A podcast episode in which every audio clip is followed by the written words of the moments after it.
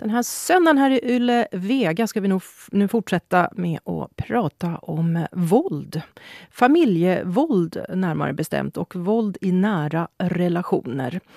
Eh, hedersvåld har du säkert hört oss journalister och mediamänniskor använda. Det är ett uttryck som kanske används lite slarvigt för att förklara det som egentligen är familjevåld och våld i nära relationer enligt lagen, både här i Finland och i andra nordiska länder. Ehm, för det inte säger vi väl otrohetsvåld, onykterhetsvåld eller kontrollbehovsvåld, vilket oftast familjevåld handlar om. Men när det kommer till en utländsk pappa eller bror eller nära släkting, oftast eh, från ett land i Mellanöstern, så, så, som, som riktar hot och våld mot eh, sina flickor och kvinnor i familjen, då, då kallar vi det för hedersvåld.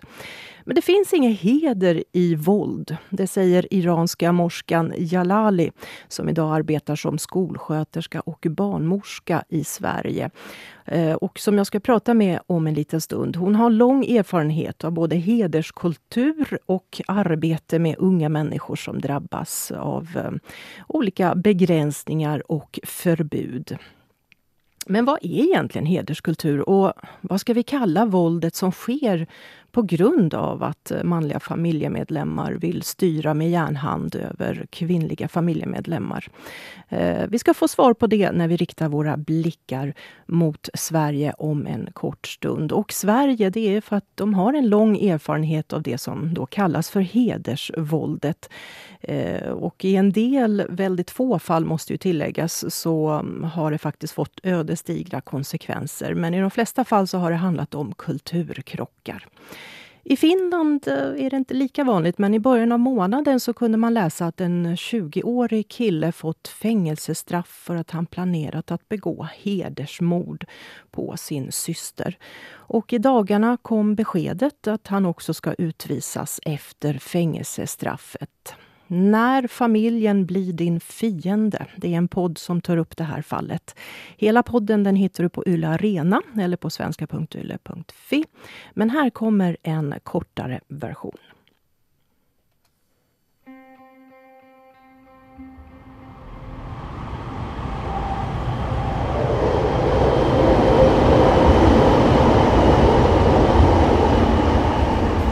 Den 22 april 2015 hotas en 16 år gammal flicka till livet av sin storebror i en park i Nordsjö i Helsingfors. I det första polisförhöret två dagar senare berättar flickan om hur brodern de senaste tre åren har börjat kontrollera allt som hon gör. Hon berättar om dödshot, om misshandel. Hon berättar om hur mamman har ställt sig på hennes brors sida och om hur hon till slut har bestämt sig för att rymma hemifrån och gömma sig hos en vän. Det kommer också fram att deras pappa är den som uppmuntrat brodern att vara hård mot sin syster. Pappan själv har tre år tidigare flyttat tillbaka till Irak och då har ansvaret för att hålla ordning på flickan flyttats över till familjens son.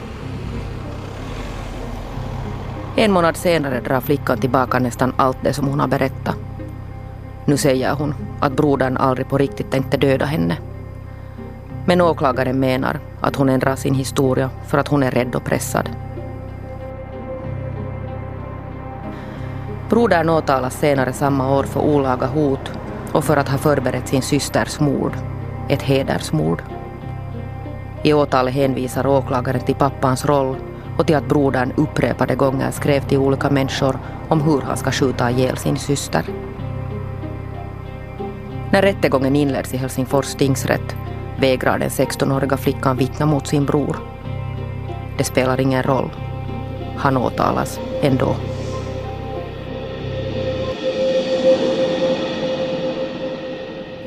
Just den här flickans historia börjar inte här, den här kvällen i april 2015. Hennes historia har börjat mycket tidigare än så. Men det är här, nära metrostationen i Nordsjö, som en ny etapp i hennes liv inleds. För från det som händer mellan henne och hennes bror i den här parken inleds också den händelsekedja som samma år kommer att leda fram till en finländsk rättssal där åklagaren för första gången söker en fällande dom för hedersrelaterat våld. Den processen, ska det visa sig, kommer att innehålla många dramatiska vändningar. Det var riktigt hemskt. att vi, visat med den som kontaktade mig och, och grät en hel del. Att det var ju riktigt, riktigt hemskt att höra. Och det var ju stor chock också för mig. Liksom, hur, hur kan det här hända? Att det, det, det är väldigt sorgligt. Att en människa kan bli utsatt för sådana här. Ja, kurdiska Veronica Kalhori hade förstås hört om hedersrelaterat förtryck och våld. Hon hade till och med vetat att det säkert förekommer i Finland. Men hon hade aldrig behövt konfronteras så direkt med det som då, i höstas, när den här första kvinnan tog kontakt med henne. För plötsligt var det hedersrelaterade förtrycket inte längre bara en teori. Det var brutal verklighet. Men ingen hade liksom talat, talat om det så där direkt för mig. Men nu, nu, nu, nu har jag vetat att det finns det här problemet men sen när man själv inte är aktiv i det och när man inte engagerar sig i det så vet man inte hur allvarligt det är. Att man vet bara att det finns det här problemet men sen när man går närmare in på, på ämnet så, så finns det så, så, är det, så kan det vara väldigt allvarligt också. Veronica Kalhori var själv 14 år gammal när hon och hennes familj kom som kvotflyktingar till Finland. Familjens resa hade startat i irakiska Kurdistan och en kall marsdag år 1999 landade de i Vasa. Sedan några år tillbaka jobbar hon inom politiken och hon har också ställt upp i kommunalvalet. Kanske var det just den synligheten som gjorde att den där första kvinnan då i höstas tog kontakt med henne. Men den kvinnan var inte den enda som hade problem hemma. Samma höst tog några fler kvinnor i liknande situationer också kontakt med Veronica Kalhori. De vill säkert ha hjälp och, och genast när de vet att någon bryr sig om dem och någon på riktigt vill göra något, något åt det här problemet så, så kontaktar de människor som, som de kan få hjälp av. Det största problemet här i Finland är det att det inte finns en enda myndighet som skulle vara specialiserad på det här problemet, som skulle förstå sig på det här problemet. Så oftast blir det så att de kontaktar andra människor och kanske via dem får kontakt med en myndighet som ens lite kan, kan om det här problemet. Under hela intervjun talar Veronica Kalhori om just det problemet. Men vad var det riktigt som de här kvinnorna berättade åt henne? Vad var deras problem? Det vill Veronica Kallhor inte gå in på medan bandspelaren är på. För en sak som kommer att visa sig vara ett väldigt stort problem när vi talar om hedersrelaterat våld i Finland är att offren sällan vågar tala om sin situation med någon utomstående.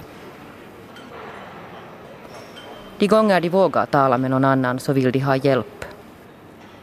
De säger också att det är viktigt att tala om det här och de säger att Finland måste förstå att det här problemet existerar. Men de vågar inte själva ställa upp för att tala för sin egen sak.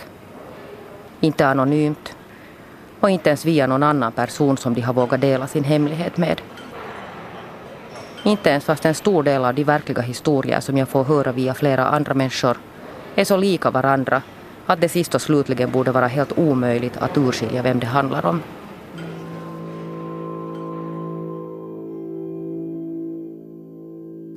Det är historier som handlar om hur familjen begränsar den unga flickan. Om hur hon inte får röra sig fritt efter skolan. Om hur familjen bestämmer vem hon får umgås med. Om hur hon tvingas gifta sig med någon annan än den hon älskar. Det är historier som handlar om hur alla försök att göra uppror kan leda till straff och hot. Och om hur flickan eller kvinnan på riktigt är så rädd för vad som ska hända om hon talar om sin situation att hon väljer att tiga. De är rädda. De är rädda. De vågar inte tala om det här. För att, och, och många har sagt till mig att om jag, om jag kommer, och, kommer och berättar om mina problem och vad jag själv blivit utsatt för så kan storyn kännas igen av bekanta eller släkter som igen kan leda till, till problem och ställa till med, med, problem för mig. Så det har jag hört. Så folk vill inte, vågar inte, för att de kan hamna i, i trubbel sen ännu mer. För Veronica Kalhori är det svårt att prata öppet om det här ämnet. jag har blivit tillsagd att vara försiktig när du talar om det här, för att då kan du själv bli stämplad eller få hot. Men eh, för att få tillstånd förbättring eller en ändring här så måste man våga tala, tala om saken och jag säger det att det är absolut inte meningen att stämpla någon grupp utan här vill jag tala om det här problemet för att hjälpa de kvinnor och, och flickor som blir utsatta för hedersrelaterade förtryck eller, eller våld. Det är Jeanette Björkqvist som har gjort podden När familjen blir din fiende. Du kan höra den i sin helhet på svenska.yle.fi eller på Yle Arena. Där finns också en artikel att läsa. Ja, ödesdigra konsekvenser hade det här bråket mellan de här ungdomarna, syster och broder. Eh, för de båda, måste man ju säga, eh, och inte minst familjen. Men vad handlar egentligen hederskultur om? Och hur ska vi handskas med det? Morskan Jalali kom till Sverige för, från Iran i början av 90-talet. Idag arbetar hon som barnmorska på en ungdomsmottagning och är en av de starka rösterna som man kan höra i samhällsdebatten i Sverige. Särskilt när det gäller hederskulturer och hedersrelaterat våld.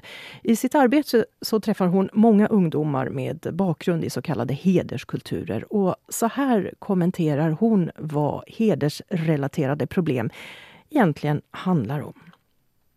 Det handlar oftast om eh, begränsningar. Att eh, föräldrar eh, vill att de kommer hem vid tid. Det handlar också om vilka de umgås med. Ibland har föräldrar åsikter om vilka de umgås med och får vara med och inte får vara med. Och en liten skara handlar om att eh, man får eh, inte gifta sig med vem man vill och inte umgås med vem man vill.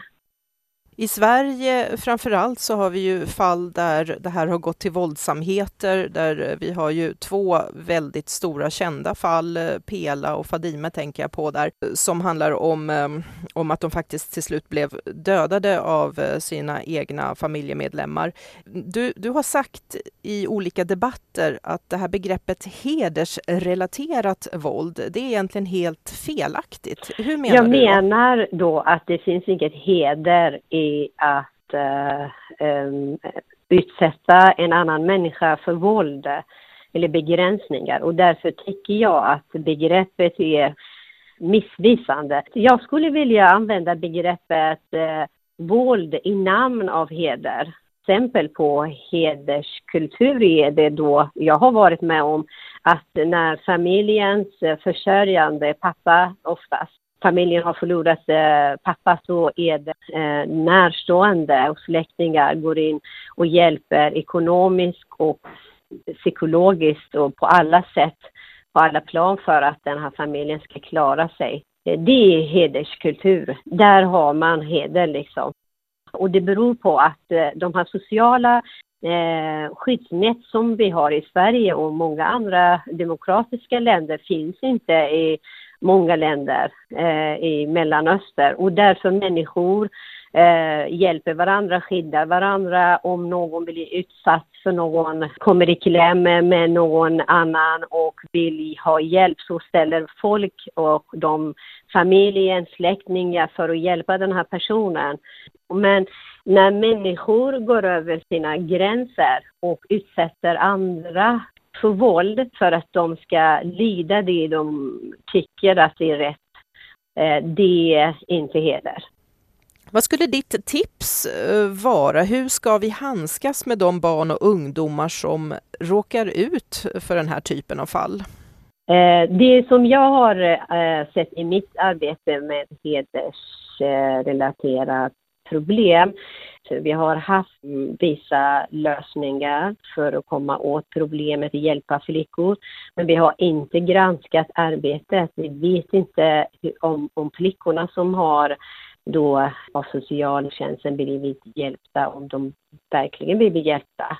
Eh, det var en studie som visade en tredjedel av eh, de här flickorna eh, som hade då fått skyddad identitet och placerad i en annan stad och i ett familjehem efter att de har fyllt 18 år har återgått till sina familjer. Och det jag tycker att man ska göra är att man eh, löser detta på familjenivå. Det är eh, föräldrar det handlar om och det är barn det handlar om. Föräldrar vill alltid sina barns bästa i de flesta, bästa fall, så att säga, i de flesta fall.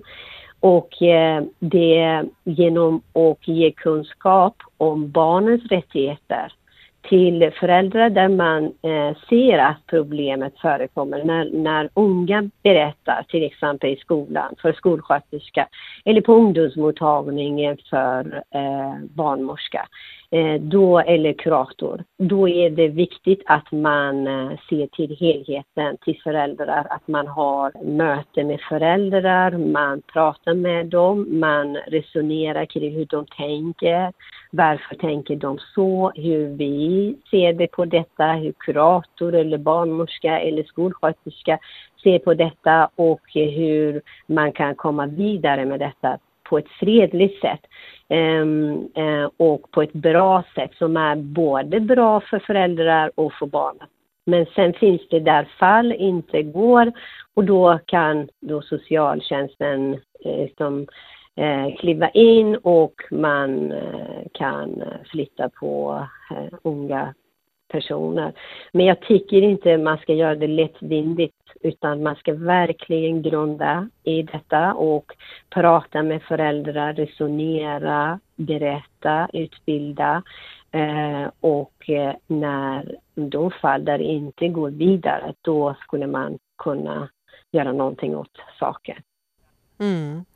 Sist, eh, vad tycker du finns det en risk att det blir lite det här vi och dem-tänkande i det här? Att vi tänker att ja, men det här har ju inte riktigt med vår kultur att göra. Eller tycker du att det finns något universellt i den här problematiken med hedersrelaterat våld?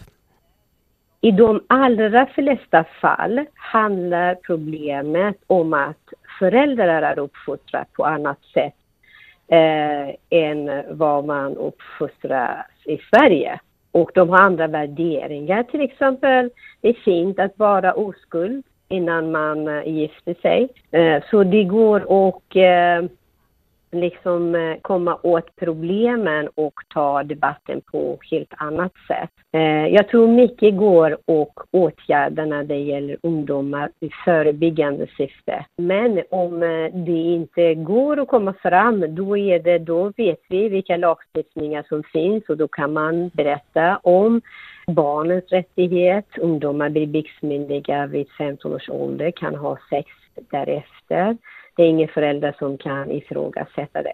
Men många gånger handlar det, alltså det, det som man målar upp, det är att man gör dessa föräldrar onda. De är onda, de är, i vissa fall vill de ju döda sina barn. Och det tycker jag är fel eh, utgångspunkt eh, eh, för att närma sig människor med andra kulturer, med andra värderingar och föra ett samtal på ett bra sätt. Och då blir det så här vi och de tänkande som eh, du hade med i dina frågor. Att man, det blir vi mot dem, de från andra kulturer med andra värderingar eh, tänker annorlunda och det är de vi ska bekämpa. Eh, eh, utan då blir det inte fokus på sakfrågan. Och att människor, att också få eh, ha den inställningen att människor ändrar sig. Man kan liksom lära sig nya värderingar, man kan också anpassa sig till nya eh, till ett nytt land och eh, lagstiftning och respektera det på annat sätt. Mm, om man får rätt stöd. Precis, om man får rätt stöd. Så mycket förebyggande arbete krävs för att eh, eh för att komma åt. Men oftast debatten handlar om extrema fall. Men de allra flesta är inte extrema. Eh, utan de vill väl för sina barn och de tror att de ger rätt. Och genom samtal och när man väl ser detta eh, skulle man kunna förebygga att aldrig detta leder till eh, oegentligheter i familjer och så vidare.